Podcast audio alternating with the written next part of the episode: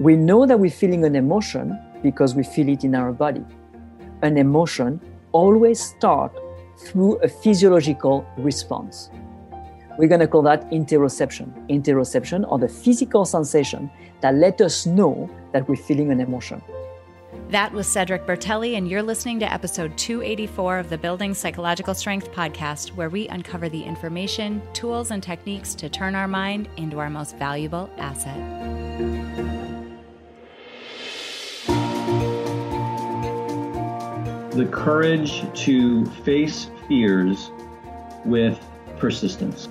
Being able to be present enough in this moment to choose my response thoughtfully.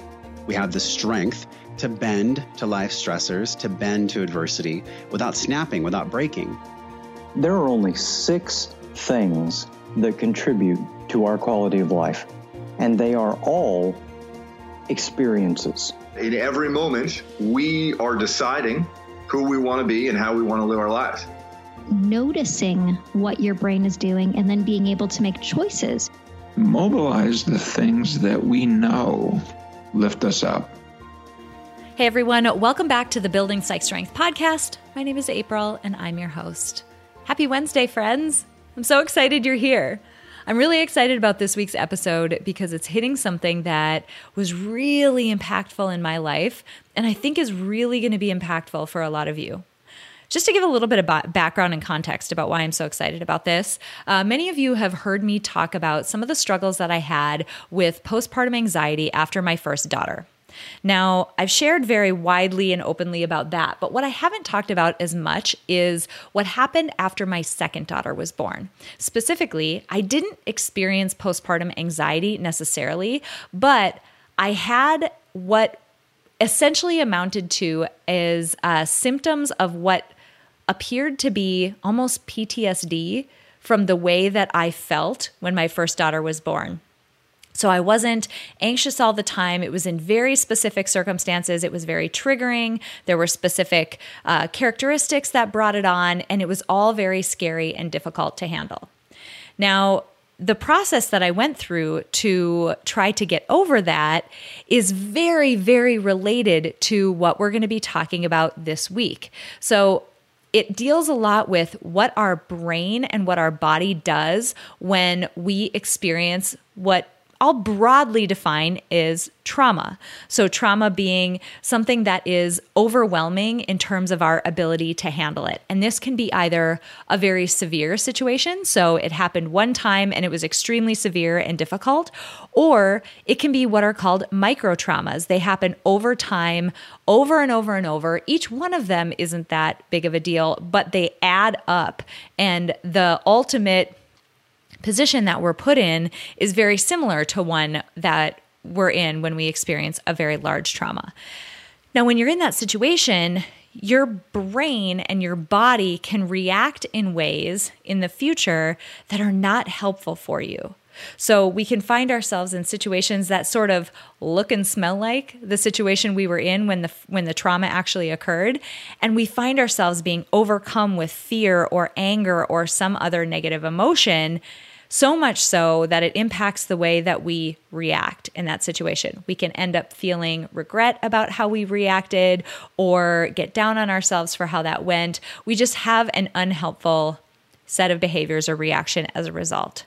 So, I was really excited to talk to this week's guest because this really hits on exactly this topic where you may find yourself in a situation where your emotional reaction is leading you to behave in a way that you don't want to behave. So, this week's guest is Cedric Bertelli, and he is the founder and director of the Emotional Health Institute. This is an organization that provides information and education about emotional resolution, or EMRES. Cedric and the Emotional Health Institute give people who are struggling with stress or depression or anxiety and so many other negative emotions, it gives them access to the best trained professionals who can guide them to resolve disruptive emotional patterns. So that's an important piece here that we're going to be talking about which I alluded to before, these disruptive emotional patterns where your mind and your body have learned to react a certain unhelpful way when presented with certain circumstances. And we'll go into all of that in the interview with Cedric. Um, in addition to training mental health professionals, coaches, and educators in emotional resolution, Cedric also works with clients individually and is passionate about helping people across the world resolve their emotional difficulties. This episode is for you if you find yourself in any situation where um, you are having an emotion that is leading you to behave in a way that you don't want to behave. This could be, like I mentioned, anger. This could be anxiety. It could be extreme sadness. So many of it, uh, so many of that is related to our mind sort of developing this pattern that influences our behavior in circumstances that at one time were really difficult, but that response is outdated now and isn't appropriate for the situation that we're in. So I can't wait for you all to hear from Cedric because this information is one that will help you in so many facets of your lives. And it's such a great conversation. So let's meet uh, Cedric Bertelli. Cedric, I'm so excited that you are with us on this episode of the podcast because we're going to be diving into something that impacts people on probably a daily basis. So thanks for being here. Well, thank you for having me, April. It's a pleasure to be here. So I gave everybody a bit of a background on you, all of the accolades and things that you're doing, and all of the official bullet points that make it into your professional bio and all of that. But I love this part because now we get to turn the corner and dig into the really good stuff that people came here to hear. So I'm just going to throw us right into the deep end of the pool to begin with. And let's start talking about this idea of disruptive emotional patterns. Can you help us understand what they are, how they manifest in our lives? Yeah, absolutely. So what we call a disruptive emotional pattern, basically, it's uh, all those emotions that keeps on coming back in our life, disrupting us, such as anxiety, depression, uh, phobia, anger, all those things. And uh, my work at the beginning was to focus on where do they come from?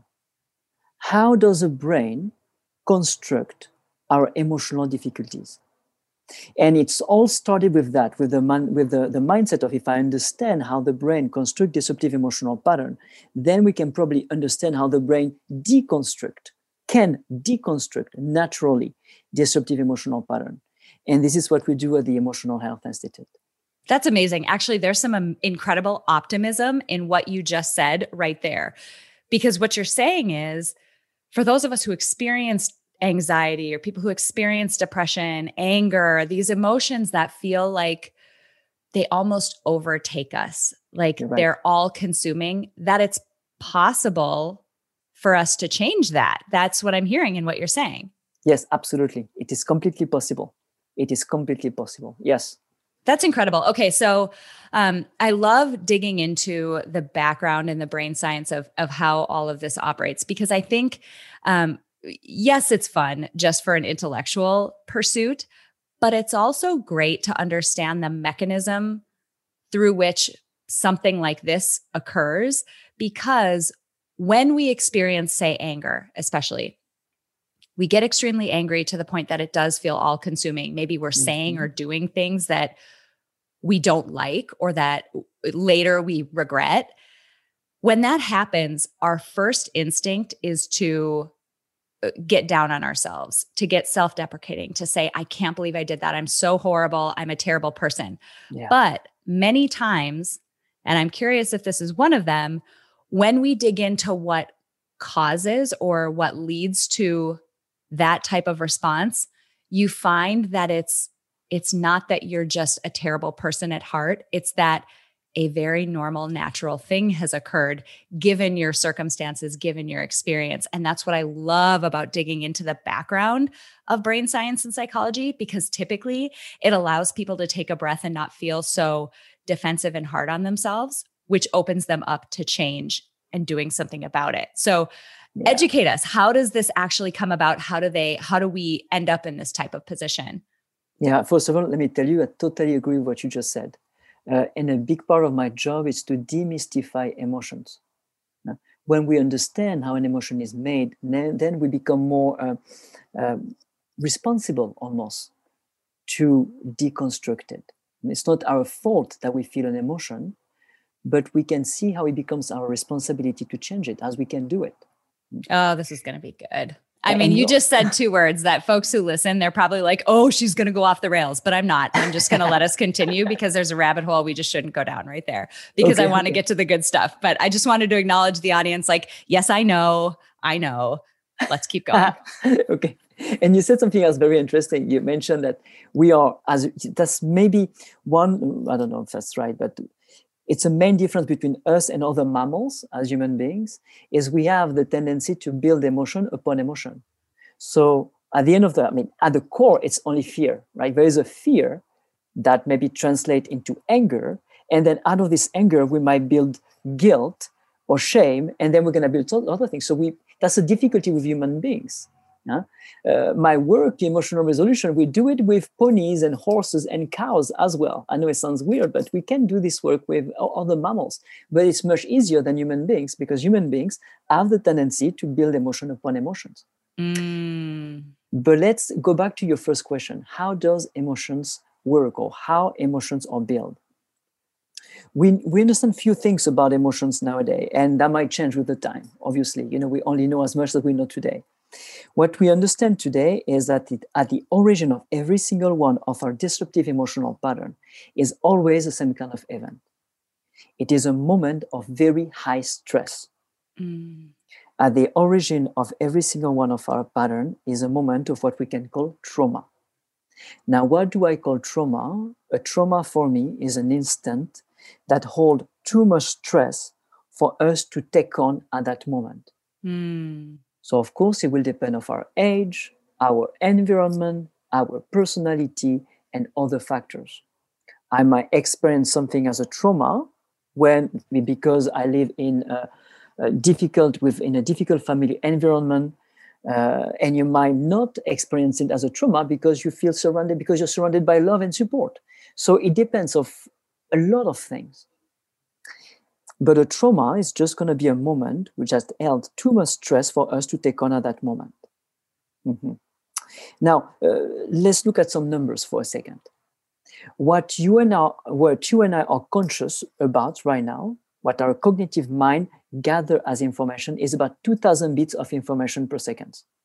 That's amazing. I mean, that's a decent computer. That's good. a decent computer, and we are we are uh, um, managing those this data at, a, at the speed of about 100 miles per hour.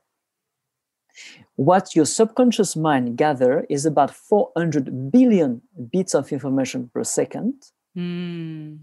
and manage them at a speed of about 100,000 miles per hour.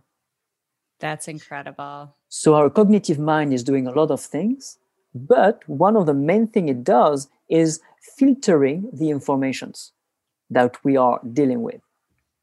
Okay, so that's that's known. We put that aside. Now, when we live a moment of trauma, what is happening is that the cognitive mind is disconnecting. We're going to call that a dissociation.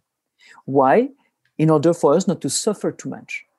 When the stress is too high, the cognitive mind shut down for just a little bit Sometimes it's a quarter of a second, a tenth of a second, maybe it's a bit longer. But during this moment of dissociation, the subconscious mind, so to speak, takes over and is going to record all the elements that can be gathered by the five senses the smell, what you hear, silhouette, etc., etc.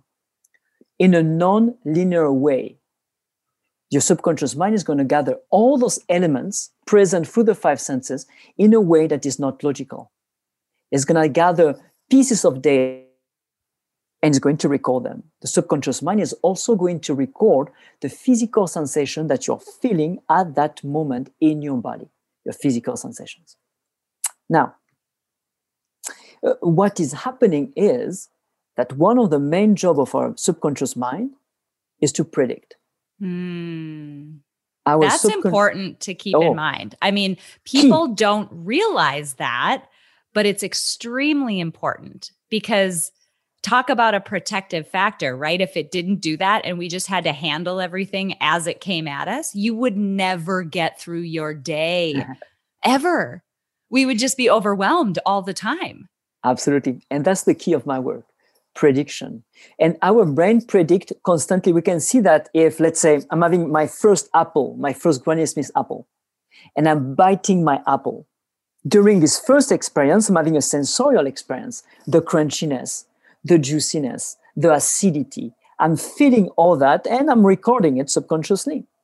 If a week after I'm gathering the same kind of apple, a Granny Smith apple, right before I bite this apple, my brain, my body is going to generate this, the sensorial experience that I am about to feel before I even buy this apple. Yeah. How many people listening to this, your mouth is watering right now because you know how tart a Granny Smith apple is?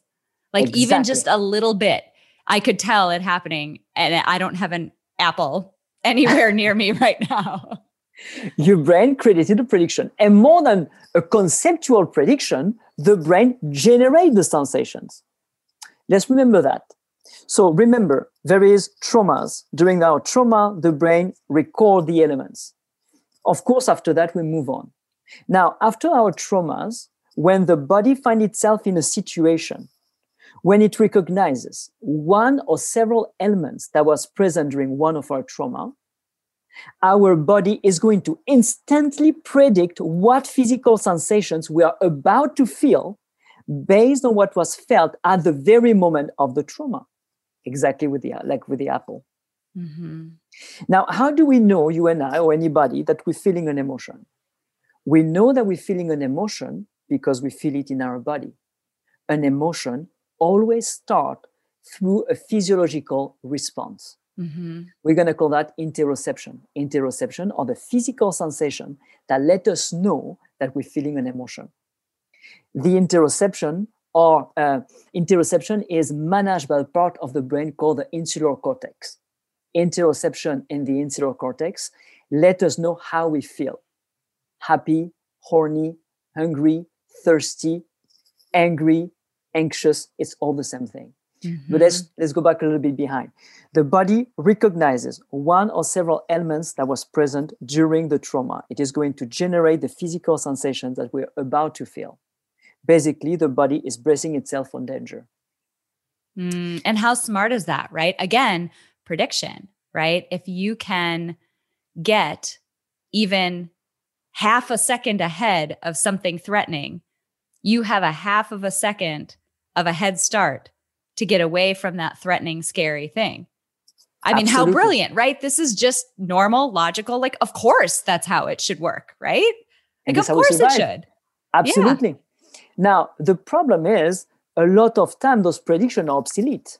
Mm-hmm. What was a danger 10, 20, 30, 40 years ago, nowadays, whatever element the body gather, it can be a smell, it can be a shape, it can be a specific light that the body gather as that as was present during one of our trauma, the body sees it now as a danger. It's an obsolete prediction. So I will say a lot of our disruptive emotional pattern are obsolete prediction from the brain. Now, what is happening is we never let the body going to the end of the prediction. Every time we feel anxious, angry, jealous, we do something to control it or to act on the emotion. Now, every time we act on the anger by either way, bottle it down or screaming, every time we act on the anxiety by trying to shut it down, taking some deep breath, or trying to uh, uh, neutralize what creates the anxiety. Every time we do something to control our emotion, to act out of our emotion, or to try to control what creates the emotion, every time we control our emotion, we are reinforcing the message to the brain that the prediction is correct. We mm. must be mm. about to face a danger because we take control over ourselves or our environment. Wow. So, so the prediction is going to keep on coming back for a lifetime sometimes. Wow. That's now, an important piece right there. Mm-hmm. I mean, that's a really important distinction right there. That, uh, and we talk about this a lot about the reinforcing nature of our behavior or our reaction to different circumstances, whether it's a thought pattern or, or whatever it happens to be.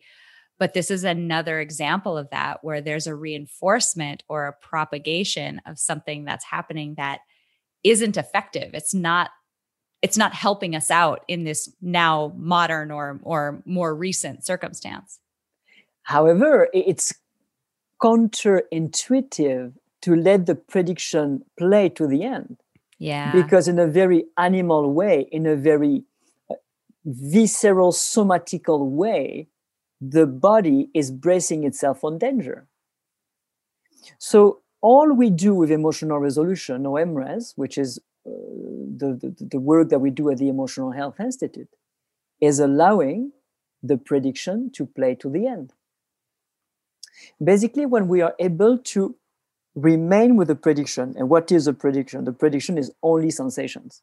If we're able to remain with the physical sensations in our body, without trying to control what we feel in our body or without trying to control what's happening outside of us, if we can stay with the prediction as the prediction is playing inside of us until the end of the prediction, the body, the brain realizes that nowadays we can remain in presence of a stimulus without trying to control the stimulus that created mm. the prediction.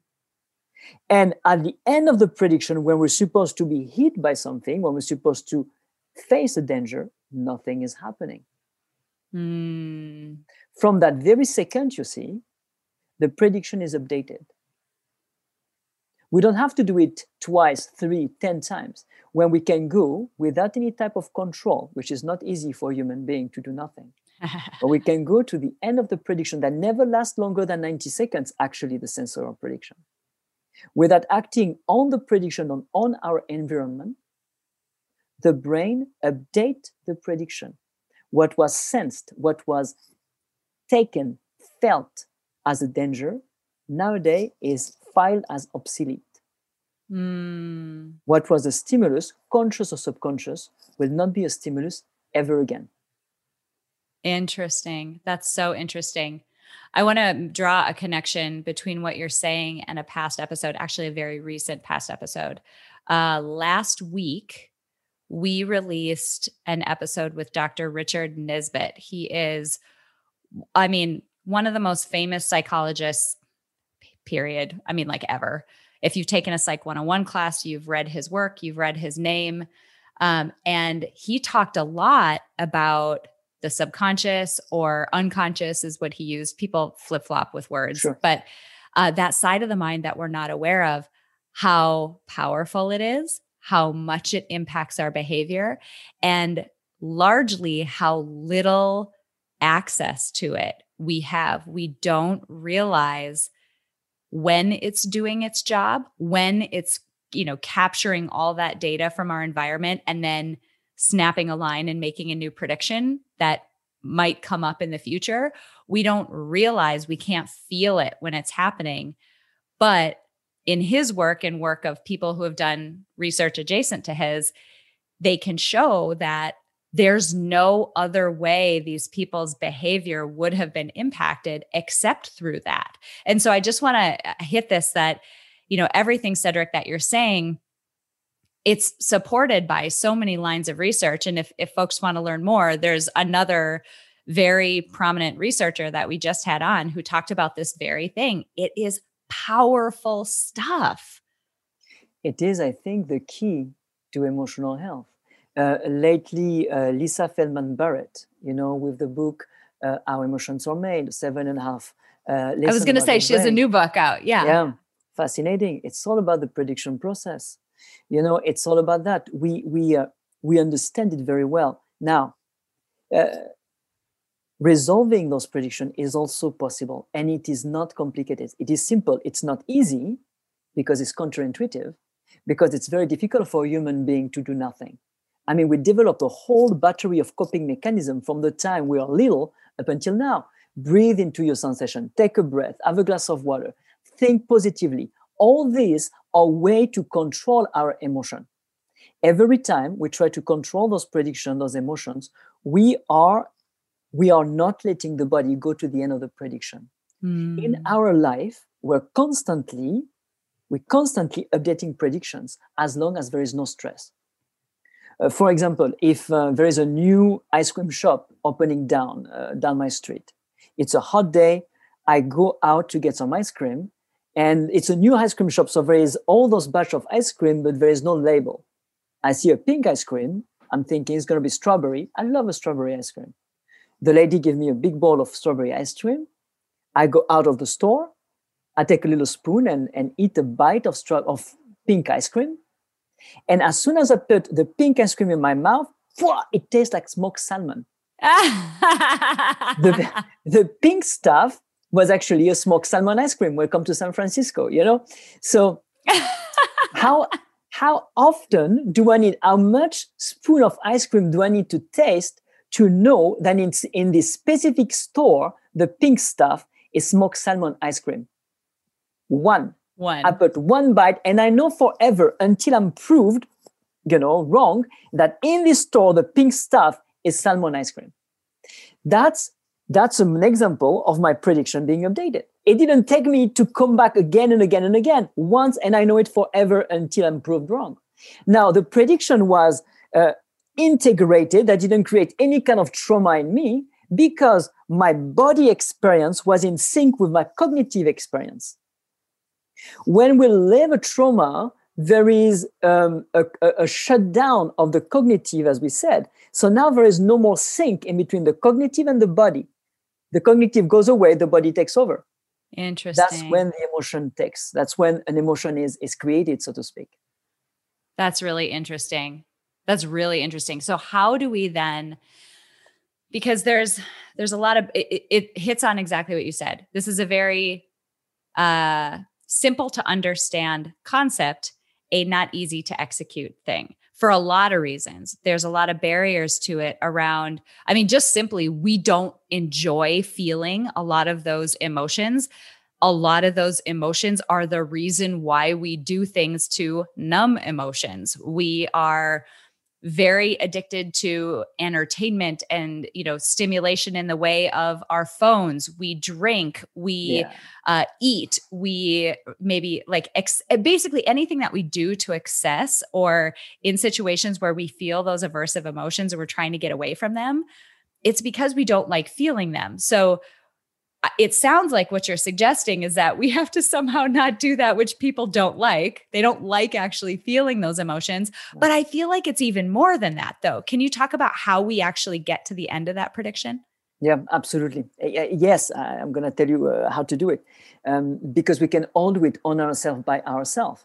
Theoretically, uh, of course, sometimes because of uh, the circumstances, it's difficult to do on ourselves. That's why there are people uh, that we train to, yep. to help to help people. Uh, to go back to what you said, I often talk about um, dealing with our emotional difficulties as the hero journey. You know, in the mythology, yeah. when the hero, the knight, or the princess is fighting the monsters, fighting the dragon. In this in this metaphor, the dragon are our emotional difficulties, and we yeah. spend our life doing three things. Either way, we try to fight the dragon, that's anger, frustration, or we try to run away from the dragon, that's escaping, avoidance, are we trying to hide from the dragon is denial. We deny that we're having anything, we bottle it down. Now, we can do any of those three things, the dragon is still going to be here and still going to be stronger than us. In order to slay the dragon, we have to go inside of the dragon.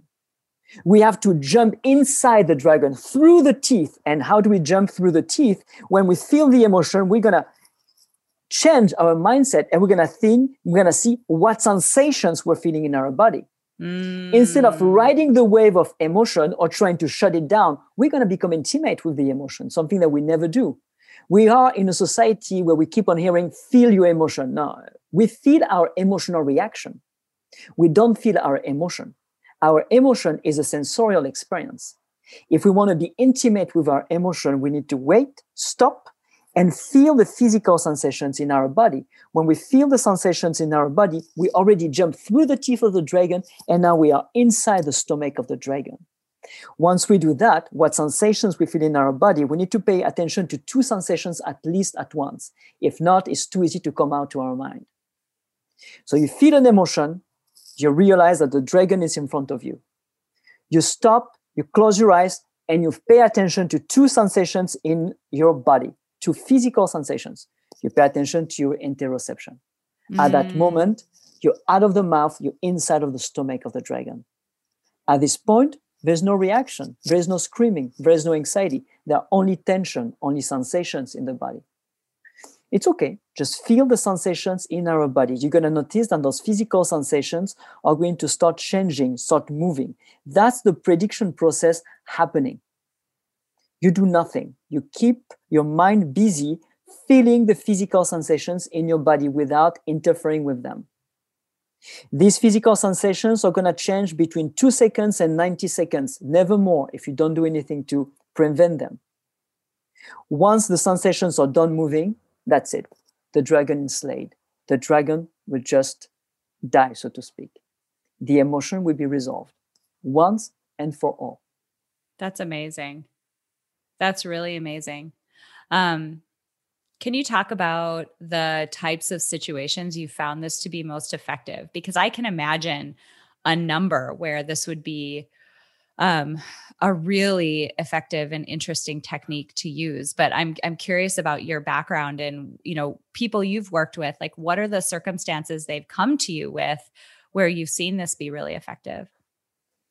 Um, any disruptive emotional pattern, from uh, PTSD to anger to um, depression, anxiety, anything that we realize is not congruent with what we're living right now. Mm-hmm. Um, we see that it's a dis- we see that we are suffering from a disruptive emotional pattern because the emotion that we're feeling is not congruent with our current reality. It's kind of like how I see it. Uh, uh, emotional resolution is not about not feeling emotion; it's about feeling the emotion held by the moment we're living now. Mm. So any of those recurring emotions can be uh, attended, can be resolved. And I will say it's not only for the big emotions. The big emotions, of course, are the ones that are quote unquote in our face. So we want to resolve them. But I love this sentence from Van Gogh. Van Gogh said, Our small emotions are the captains of our lives as we obey them without noticing them. Oh, that's good. And and you know um, we only have labels named for the big emotions. However in our life if we pay attention to our body we we will notice that we have a lot of tensions. And a lot of the tension that we feel in our body that don't have a name are leading our decision making are leading our relationship. If i'm around you for example and my body feels tense even if i don't notice it consciously chances are i might not want to hang out with you as much. Yeah so why is my body tensing in front of you?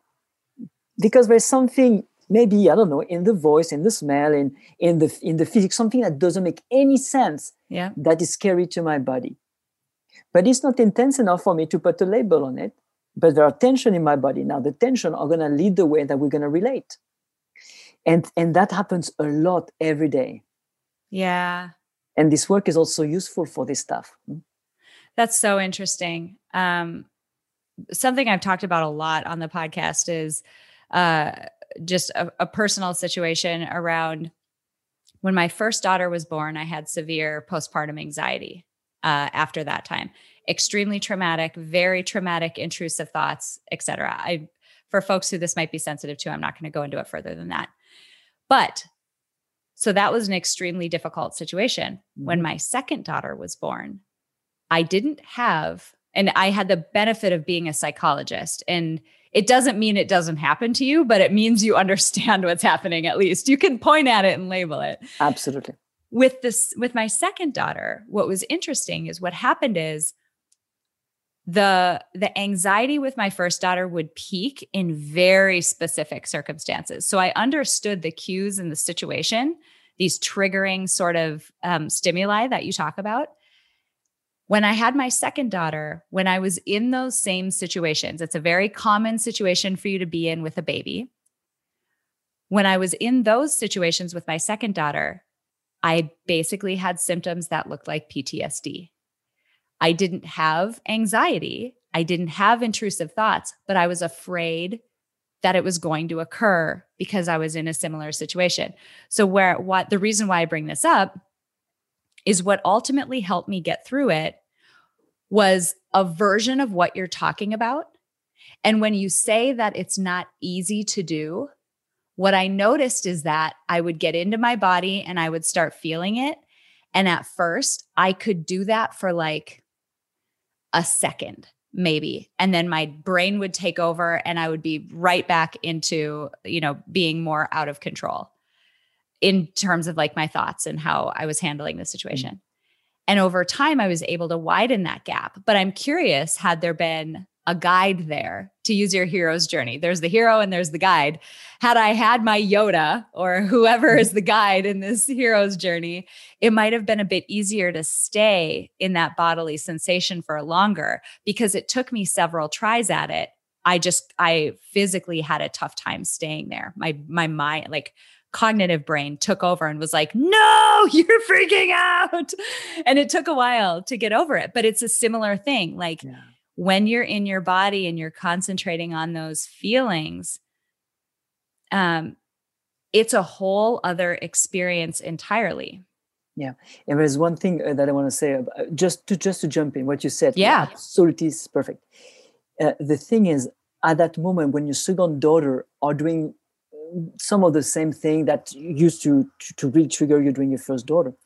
When this is happening and you're starting to feel the emotion, subconsciously, it's not a little baby that is in front of you. It's a danger, it's a threat. Very much so. Yeah? Yes. And, and so it's difficult for you to do it, to be with your sensations because you are in presence of a threat.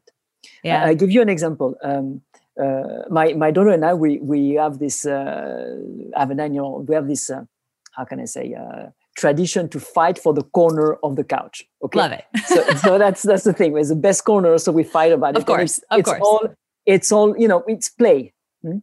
Um, I did um, martial arts all my life, and I noticed that every time I'm being slapped in my face in martial arts, uh, I, I I feel almost rage, and I use that. Wow. I use that as a, as a but as I'm not as good actually when I fight with rage but I use that as a motivator. And uh, I never saw any problem with that, right? Well, a couple of years, a couple of weeks ago, we were fighting for the corner, and involuntarily, yeah, she didn't mean to, but she slapped my face, which is in a complete play. Yes. But as my as my face got slapped, I felt the same rage that I would feel during a training.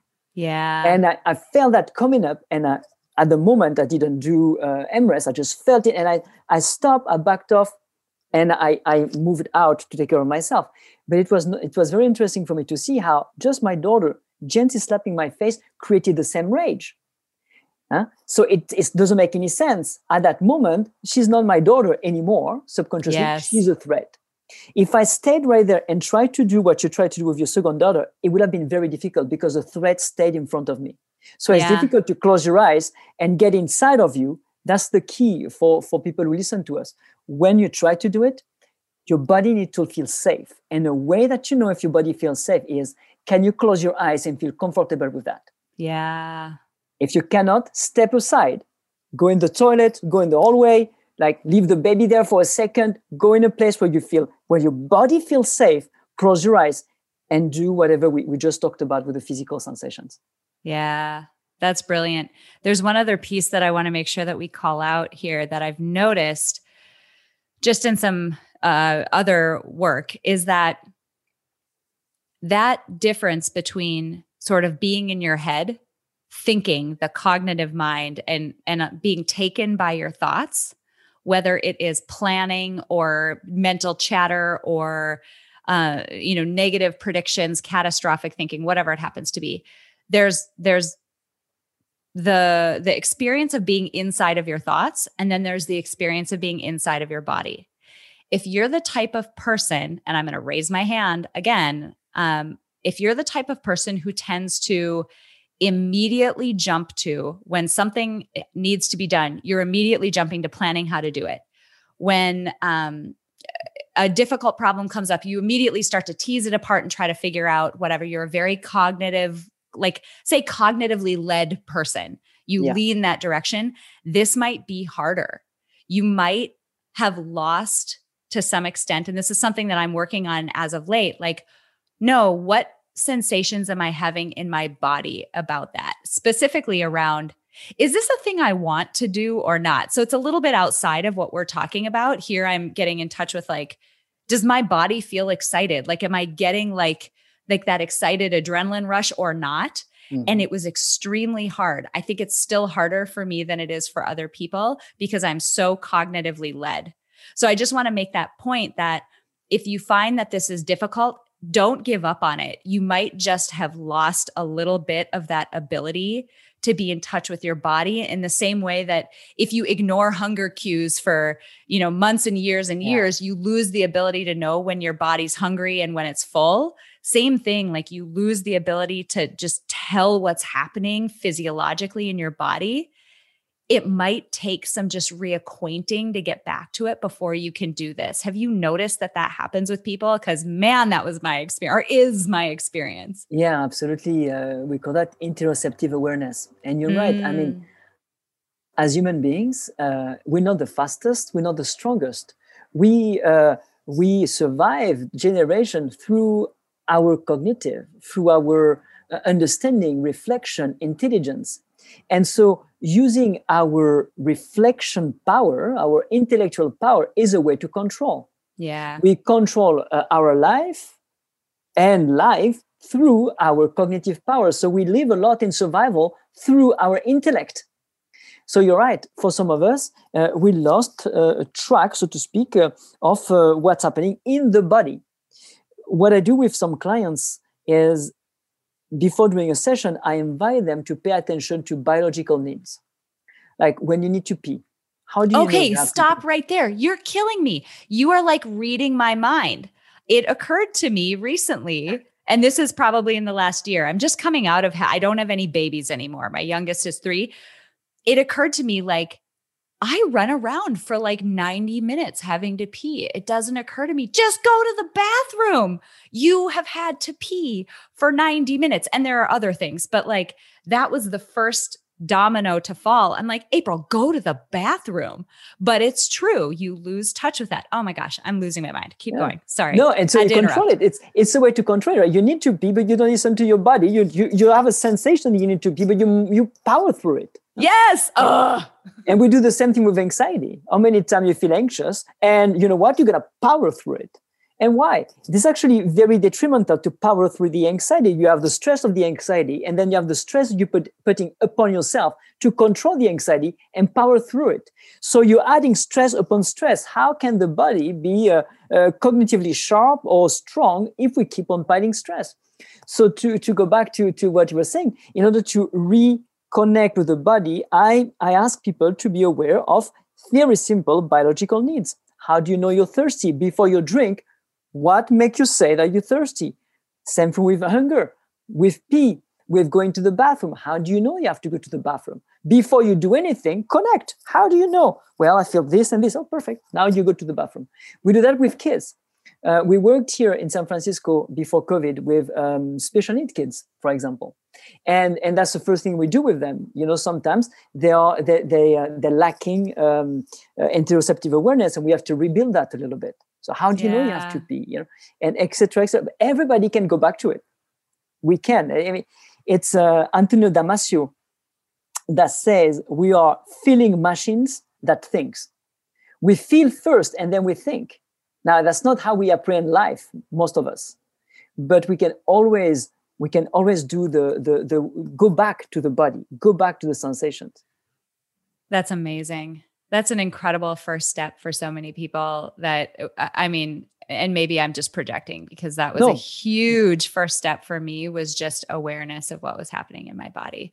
We could talk for hours longer. There's so much here and there are so many areas where just in the interest of wanting to give people a good broad overview of your work i didn't dig down but uh, definitely know that you are always welcome back on this podcast because this Thank has you. just been a delight um, before I let you go, I have to ask you about psych strength, just from your perspective, from the work that you do. What's your definition of being psychologically strong? Um, it is acceptance. I mm. think psychologically, for me, being psychologically strong is accept the emotion that we're living, accepting our anger, accepting our anxiety, accepting our f- phobias. Just accept, face the emotion without blaming anybody or blaming yourself. The strength for me comes from the fact of just accepting. Doesn't mean that we like it, but accept what we feel from acceptance becomes resilience. I love it so much. People are going to want to know where to find you. Where can we find you to learn more about your work, about, um, yeah, everything that you've got going on? Um, you can go to the website of, uh, of the foundation. It's emotionalhealthinstitute.org or emotionalresolution.org. It goes to the same place. Perfect. We'll make sure we get those links in the episode description. If you're listening to this and you want to explore and learn more, you should be able to just swipe up on whatever device you are uh, listening to us on and get to those links in this description. Cedric, this has been incredibly fascinating and valuable. I'm so thrilled that you joined us for this episode. I just appreciate you so much. Thank you, April. Thank you very much. Have a wonderful day. It's a simple fact that nearly everyone in the world could benefit from building psychological strength. But not everyone will put in the time and effort to do so. But today you did. Thank you so much for listening to this episode of Building Psychological Strength. Now, if you're interested in building the mental toughness, confidence, and resilience you need to thrive through life's ups and downs, visit us at www.peakmindpsychology.com. Also, if there's someone in your life who could benefit from this episode, please share it with them. And if you yourself found this episode valuable, meaning if you took away even one insight that you can use to build psychological strength in your own life, we would so appreciate it if you would drop us a rating and a review on iTunes. The thing is, the more ratings and reviews we have, the easier it is to get this powerful and important content out to the people who need to hear it. Remember, your mind can be your most valuable asset or your biggest liability, and you get to choose. So choose wisely, my friend. And I'll see you next time on Building Psychological Strength.